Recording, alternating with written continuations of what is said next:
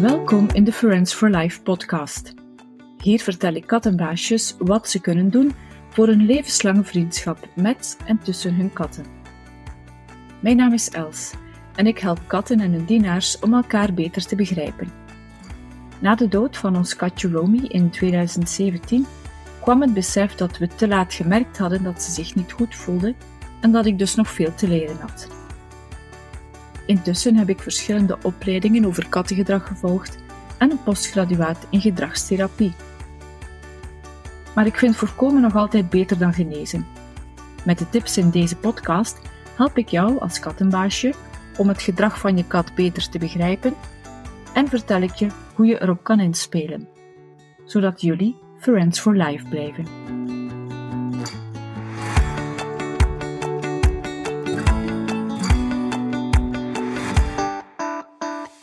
Hallo lieve friend. Hopelijk ben je al een beetje bekomen van de duivelse episode 666. En vandaag is het tijd voor de Bijbelse nummer 7. En blijkbaar is dit het moment waarop veel podcasts een stille dood sterven.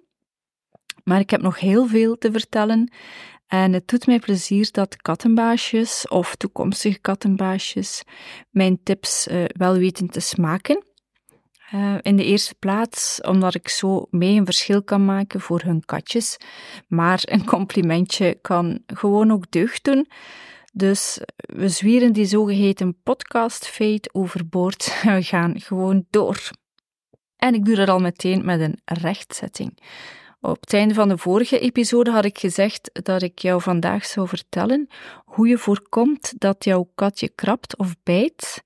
Maar dat was een beetje te voortvarend van mij, want dat is pas voor de volgende episode.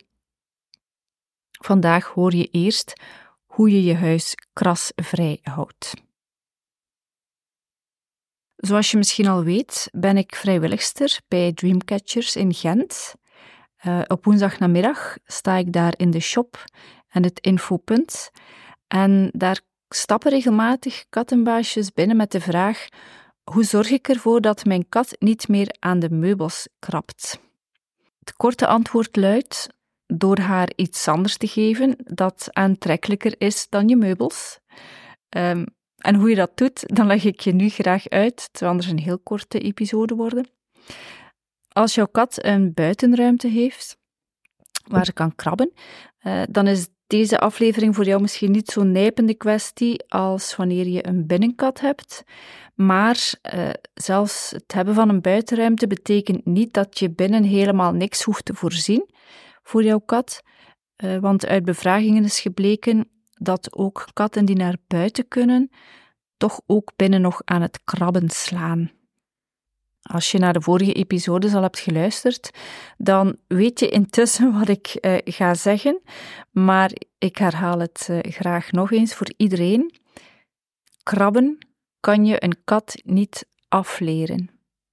Het is alsof ik jou zou vragen om niet meer te geven als je moe bent. Je hebt dat zelf niet onder controle en dat geldt ook voor uh, het krabben van de kat. Eh, ze doet het natuurlijk niet als ze moe is, maar bijvoorbeeld wel als ze net wakker is. Uh, misschien heb je het ook al gezien. Uh, na het ontwaken gaat een kat graag eens zich helemaal uitstrekken en liefst nog met haar nageltjes ergens in gaan hangen. Dus dat is een eerste reden waarom ze krabben. Een andere reden is om de nageltjes scherp te houden. Je hebt misschien ook al van die oude nageltjes gevonden in huis. Uh, die vallen uit, dus die gaan met hun nageltjes ergens inhangen. Die oude nageltjes uh, komen los en ze maken plaats voor nieuwe, scherpere nageltjes. Nog reden om te krabben. Reden is misschien niet het juiste woord, want het is instinctief, maar je weet wel wat ik bedoel. Uh, nog een reden is het markeren van hun territorium. Uh, en dat doen ze zowel visueel, ja, die krassen zie je wel, um, als met geuren. Um, als je episode 2 al hebt beluisterd over de Sniffari, dan weet je dat katten uh, hun eigen geur achterlaten in de omgeving, uh, met hun kopje, maar ook met hun flanken. En dat doen ze dus ook door te krabben, want tussen de voetkussentjes zitten er ook geurklieren. En een laatste, voor deze episode heel belangrijke reden om te krabben is stress. Daar zijn we weer. Um, zoals ik al heb gezegd, uh, stress hoeft niet altijd negatief te zijn. Veel katten zijn heel opgewonden als hun baasjes opstaan of thuiskomen van het werk en dan kan er een heel scratchfest volgen. Um, in episode 5 heb ik een hele waslijst aan triggers opgesomd die uh, onze katten kunnen stresseren. Uh, ik ga die niet allemaal herhalen. Mocht je die nog niet hebben beluisterd, um, kan je het eventueel hier nadoen.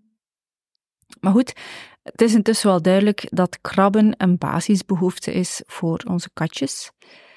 En dat jouw kat daarvoor soms plekken uitkiest waar jij het liever niet hebt, heeft alles te maken met de kenmerken van die plek en niks met uh, de intenties van jouw kat. Uh, jouw kat doet het niet om jou te pesten of ongehoorzaam te zijn. En het heeft ook geen zin, sorry, om uh, te roepen of, of jouw kat fysiek te straffen of, of met de plantenspuit.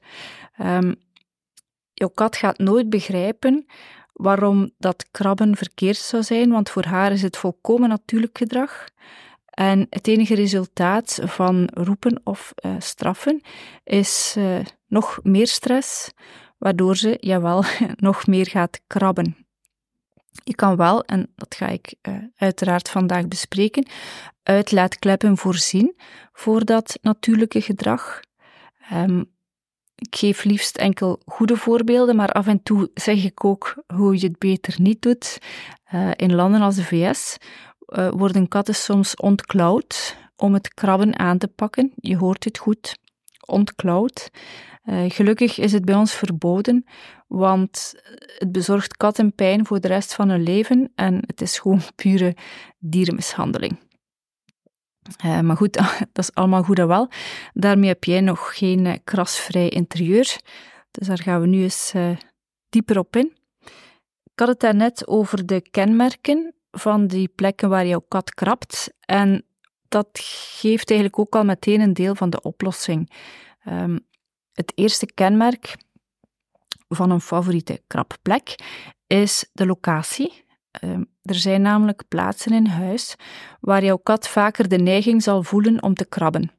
En dat zijn uh, die plaatsen waar jij het best jouw alternatieve krabmogelijkheden voorziet. Ik zal in de show notes een link zetten naar mijn gids voor een krasvrij huis en ik zal een checklist uh, opnemen van de favoriete krabplaatsen. En die lijst uh, begint, zoals ik daarnet al zei, bij de slaapplaats van jouw kat, waar ze na het ontwaken eens goed gaat stretchen. Het meeste gekrap in huis, en eigenlijk ook buiten, gebeurt op plaatsen waar er iets gebeurt. Um, in episode 5 heb ik al gezegd dat katten houden van voorspelbaarheid, maar zo werkt het leven nu eenmaal niet. En doorheen de dag gebeurt er van alles in huis, rond het huis. Uh, dat kan zorgen voor stressmomentjes. En die kleine stressmomentjes um, geven jouw kat eigenlijk uh, aanleiding tot uh, krabben. wat zijn nu die gebeurtenissen of stressmomentjes? Ehm, kan gebeuren in de buurt van ramen. Daar valt er al eens iets te zien, wat voor opwinding kan zorgen. Uh, een vreemde kat bijvoorbeeld, of een vogeltje. Het ene is uh, wat negatiever, het andere positiever, maar al die emoties moeten afgereageerd kunnen worden en dat kan door te krabben. En wie ramen zegt, die zegt ook deuren. Dat is een heel uh, ingewikkeld uh, gegeven, want uh, langs deuren komen mensen binnen. Kunnen vreemde mensen zijn, maar ook jij als je bent weg geweest. Als het tegenzit, komen er langs daar ook vreemde katten binnen. Maar in episode 6 heb ik uitgelegd waarom en hoe je het best kan vermijden dat vreemde katten binnenkomen. En deuren zijn voor jouw kat ook een uitweg naar buiten en ook de vluchtweg terug naar binnen, bijvoorbeeld als jouw kat buiten geschrokken is van iets. Om maar te zeggen dat er in de nabijheid van een deur veel emoties kunnen uh, rondgieren en die moeten allemaal uh, weggekrapt kunnen worden. Bovendien markeren zowel ramen als deuren de grens tussen de boze buitenwereld en het veilige territorium van uh, jouw kat. En daar wil ze dus met haar geur meteen duidelijk maken aan potentiële indringers dat het wel degelijk haar territorium is. Uh, dat doen sommige katten door op die plaatsen te sproeien. Uh, de kans op sproeien wordt groter als, als jouw kat vreemde katten ziet. Want dat kan een serieuze stresspiek veroorzaken. En dat kan jouw kat ertoe aanzetten om meteen de big guns uit te halen en een geursignaal achter te laten dat zelfs wij kunnen ruiken. En ik herhaal wat ik al, denk ik, in twee episodes intussen heb gezegd. Als je merkt dat het zicht van vreemde katten buiten uh, jouw eigen kat nerveus maakt, dan plak je het best de onderkant af van alle ramen die tot op de grond komen met uh, lichtdoorlatende melkfolie. Maar ook als er nergens indringers te zien of te ruiken zijn, neemt jouw kat rond deuren en ramen doorgaans het zekere voor het onzekere en probeert ze haar geur achter te laten door te krabben. De laatste categorie plekken waar jouw kat stress kan ondervinden zijn doorgangen in huis, eh, omdat de kans bestaat dat ze daar mensen of andere dieren tegenkomt. Dus in de gang, op de trap, op de overloop. En ook op die plaatsen gaat jouw kat geurvlagjes afzetten om haar territorium te markeren. En dat kan door kopjes te geven ofwel door te krabben. En we zijn nog niet rond. Naast die plaatsgebonden uh, stressmomentjes kan jouw kat ook schrikken van de deurbel of een onweer uh, of jij die heel luid niest. Um, en dat kan eigenlijk overal in huis gebeuren. Ik denk dat het intussen wel duidelijk is als jouw kat op zoveel plaatsen in huis stress kan ervaren, dat ze dan meestal het dichtstbijzijnde geschikte oppervlak gaat zoeken om die stress zo snel mogelijk te ontladen. En dat jij best doorheen het huis van die geschikte oppervlakken voorziet. En dat brengt mij meteen bij het tweede kenmerk van de ideale krabplek. Het gaat om een materiaal waarin jouw kat haar nagels kan zetten en dat een beetje tegenwerkt. Uh, ik denk aan sisal of uh, ruw hout of krabkarton of misschien ook wel de sofa. Dat heb je misschien zelf al ondervonden. En katten kunnen daarin hun individuele voorkeuren hebben. Dus het is niet zo dat ze per definitie, uh, ik zeg maar iets, sisal verkiezen.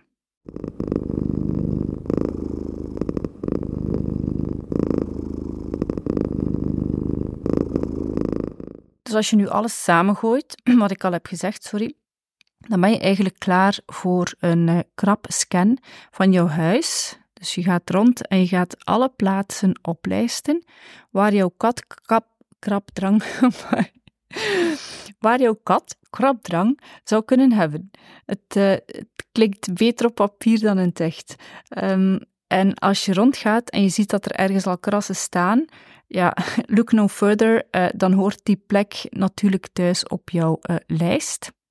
Maar er zijn ook andere plekken. Um, misschien heeft jouw kat geen geschikte krabplek gevonden in de buurt van een raam of een deur. En heeft ze dan maar het eerste uh, gekozen wat ze tegenkwam. Dus zelfs als je krassen vindt op een meubelstuk of, of behangpapier, um, vraag je dan af is dit de plek waar ze misschien van iets is geschrokken of is ze eerst hierheen gekomen? Dus misschien moet jouw krabplek ergens anders, dichter bij een raam of een deur, uh, liggen. En ja, het is makkelijker gezegd dan gedaan, maar probeer te denken als een kat. Um, als je ergens krassen ziet, vraag je af waarom ze juist die plek heeft uh, gekozen. Misschien is het een materiaal dat uitnodigt om te krabben, of vanuit die plek kan jouw kat vreemde katten zien. Of misschien is het het eerste bekrapbare voorwerp uh, toen jouw kat van buiten naar binnen kwam. Als je al die plekken uh, in kaart hebt gebracht, dan is stap 2 om op al die plekken bliksemafleiders te voorzien. of krabafleiders en eventueel ook de voorwerpen af te schermen die jij intact wil houden. Maar ik wil jou echt wel vragen om beide te doen, want als je enkel bepaalde plaatsen minder aantrekkelijk maakt om te krabben en geen alternatief aanbiedt, dan zoekt jouw kat wel haar eigen uh, alternatieven. Want, listen very carefully, I shall say this one more time. Instinctief gedrag kan je niet afleren of verbieden. Misschien vind jij het maar niks trouwens om jouw interieur te vervuilen met krabplankjes en krabpalen, maar een katvriendelijk interieur kan ook stijlvol zijn. Eh, in de gids die ik in de show notes ga zetten, zal ik eh, verschillende opties um, overlopen, gaande van heel basic tot design, want designkrabmeubels bestaan ook. Maar in eerste instantie zou ik je aanraden om te beginnen met een aantal goedkope kartonnen plankjes op de plaatsen die jij hebt uh, als meest voor de hand liggende krabplaatsen. Als je na verloop van tijd merkt dat uh, plankjes uh, bekrapt worden en dus op een goede plaats liggen, kan je daar eventueel upgraden naar een duurdere optie. Maar het is zeker geen must. Bram en ik hebben doorheen ons huis een mix van zowel goedkope als duurdere krabkartons. Eh, de kleinste, de goedkope, die passen doorgaans heel goed op vensterbanken. En we hebben ook gemerkt, en onderzoek heeft dat aangetoond, dat de golvende krabplankjes populairder zijn bij katten dan de vlakke. Er bestaan geen standaard afmetingen voor krabplankjes. Dus in het begin ga je misschien moeten zoeken om er te vinden die perfect passen op een plek die jij misschien uh, in gedachten hebt, zoals een vensterbank. Als je dan het krabkarton daar hebt gelegd en na een paar dagen is het nog altijd intact, dan kan je eventueel uh, met een mes of schaar uh, zelf al een paar krassen zetten, want krassen kunnen door jouw kat beschouwd worden als krassen van een andere kat. En dat gaat haar dan weer aansporen om zelf ook te beginnen krabben. Een beetje zoals uh, graffiti, graffiti aantrekt. Um, of je kan een beetje catnip of valeriaan op het krabkarton strooien om het aantrekkelijker te maken. Uh, of eventueel een snoepje. Uh, maar daar gaan we natuurlijk niet mee overdrijven in het kader van overgewicht. Um, wat je het best niet doet, en het kan verleidelijk uh, zijn, is het pootje van jouw kat vastnemen en daar dan zelf een beetje mee over het karton krabben, want de meeste katten worden echt niet graag aangeraakt aan hun poten. Um, zeker de kussentjes, die zijn heel gevoelig. En je riskeert eigenlijk door um, dat te doen het tegenovergestelde effect te bereiken, namelijk uh, een afkeer van het karton. En dan zijn we terug naar af. Dus um, probeer je kat wel aan te moedigen om het te doen, uh, maar zeker niet te dwingen, want het komt niet goed. Als je al die dingen hebt geprobeerd, dus al een beetje voorkrassen, catnip, valeriaan, snoepje en um, het krabkarton wordt nog altijd niet gebruikt, dan kan je na enkele weken eventueel een andere locatie kiezen. Um, nog altijd bij voorkeur in de buurt van een raam, een deur of een doorgang. En je gaat geleidelijk aan ondervinden waar jouw kat graag horizontaal krabt. Maar katten krabben ook graag verticaal. Uh, bijvoorbeeld als ze net wakker geworden zijn. Ja, je weet waarschijnlijk al dat er krabpalen bestaan in verschillende formaten en prijsklassen. Um, Bram en ik hebben ook al een paar van die halve kastelen versleten. Maar eigenlijk kan je jezelf geld en ruimte besparen. Um, een simpele losstaande krabpaal van 80 centimeter of meer is eigenlijk meer dan genoeg. Uh, en daaraan kan jouw kat zich helemaal uitstrekken. Dus die, die halve kastelen, die krabpalen met schuilhokjes, kunnen ook, maar die uh, palen zijn vaak veel te kort tussen de verschillende hokjes. Uh, tenzij er aan één kant, uh, dat een model is waar aan één kant een min of meer doorlopend krabgedeelte is. Dus met zogezegd verschillende kleine sisalpaaltjes boven elkaar. Uh, want een kat moet echt op haar achterpoten kunnen staan en zich helemaal uitstrekken. Dus dat komt al vrij hoog. Um, maar dan, dan heeft ze echt volop uh, het genot van, uh, van die krabpaal. En als je kittens uh, adopteert, hoef je niet eerst een klein krabbaaltje te kopen en dan upgraden. je kan geld besparen en meteen voor een groot exemplaar gaan, want die kittens groeien toch supersnel. Ehm, meer tips over kittens hoor je trouwens in episode 4. En nog een voordeel van die losstaande, eenvoudige krabbalen is dat je die makkelijker op een plek kan zetten waar jouw kat nu al krabt, bijvoorbeeld aan de hoek van je zetel. Dan kan je die krabpaal daar vlak naast uh, zetten.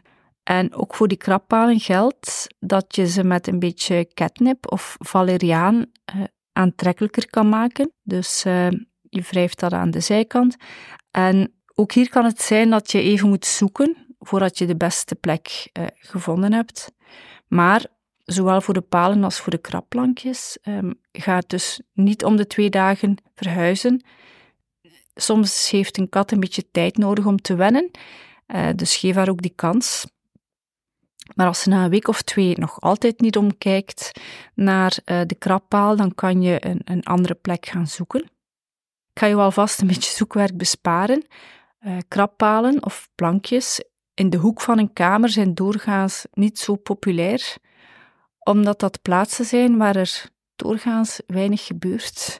Um, tenzij misschien uh, dat jouw kat daar slaapt en zich dan uh, kan uitstrekken. Gaandeweg ga je zelf ook ondervinden welk materiaal uh, jouw kat verkiest en of ze liever horizontaal of verticaal krabt of allebei. Als je dan een paar van die nieuwe krablocaties gecreëerd hebt en jouw kat nog een extra duwtje in de goede richting wil geven, kan je plekken zoals de sofa minder aantrekkelijk maken. Ehm, ik kan er een deken over hangen, maar de kans is groot dat jouw kat nog altijd haar eigen geur zal herkennen en zal blijven krabben op haar uh, oude vertrouwde plek die naar haar uh, ruikt. Een andere optie nog altijd voor de sofa. Ik, ik ja, noem dat als populairste plek, maar er zijn natuurlijk nog wel targets van, uh, van gekrab. Um, maar voor de sofa kan je ook een stuk uh, plexiglas zetten. Zoals ik al zei, uh, gladde oppervlakken zijn saai, omdat ze helemaal niet bekrabbaar zijn. En op die manier, als je dus plexiglas voor de sofa zet, dan is de plek waar jouw kat haar geur had afgezet al beter gemaskeerd. Um, die geur zit een beetje verstopt. En dan zal die zaken niks uithalen.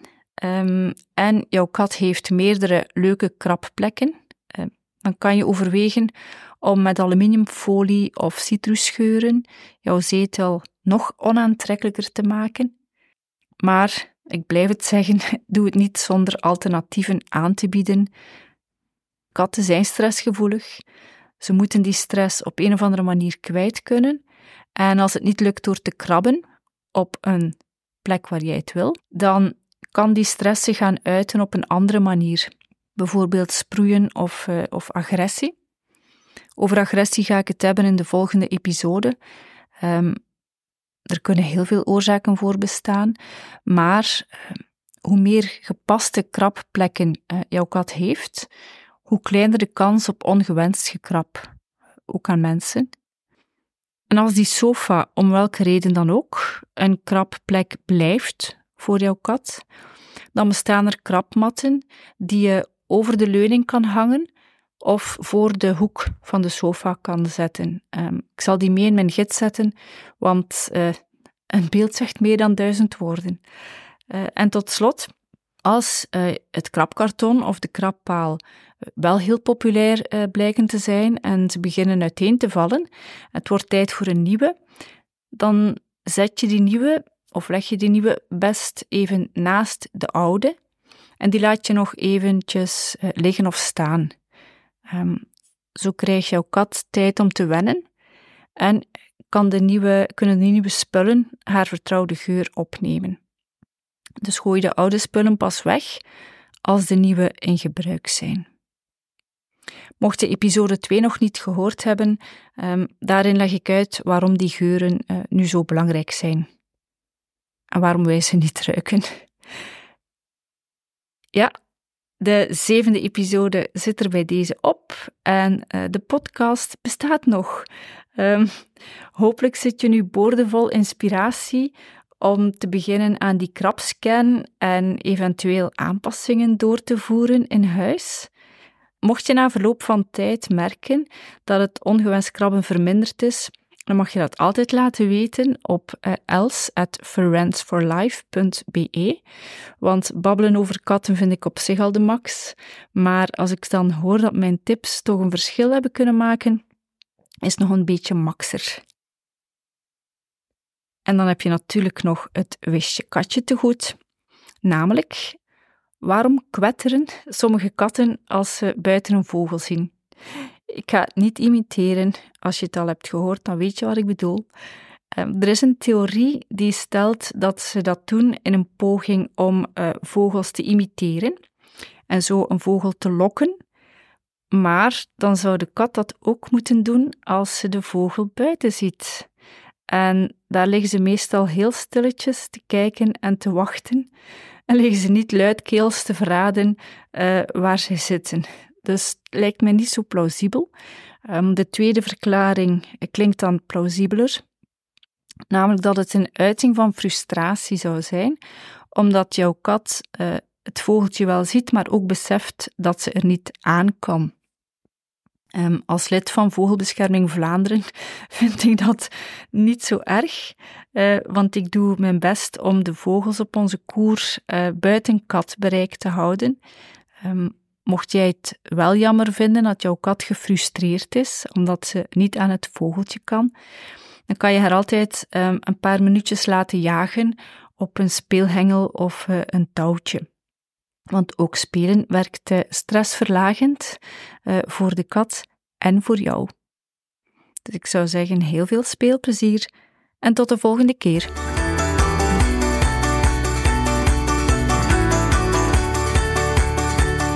Ik ben uitverteld voor vandaag. Ik hoop dat je er iets aan gehad hebt. Alle achtergrondinfo bij deze episode vind je op podcast.friendsforlife.be. Deel die link gerust met andere kattenbaasjes of laat een review na, zodat ook anderen de weg naar deze podcast vinden. Alvast bedankt en tot hoors!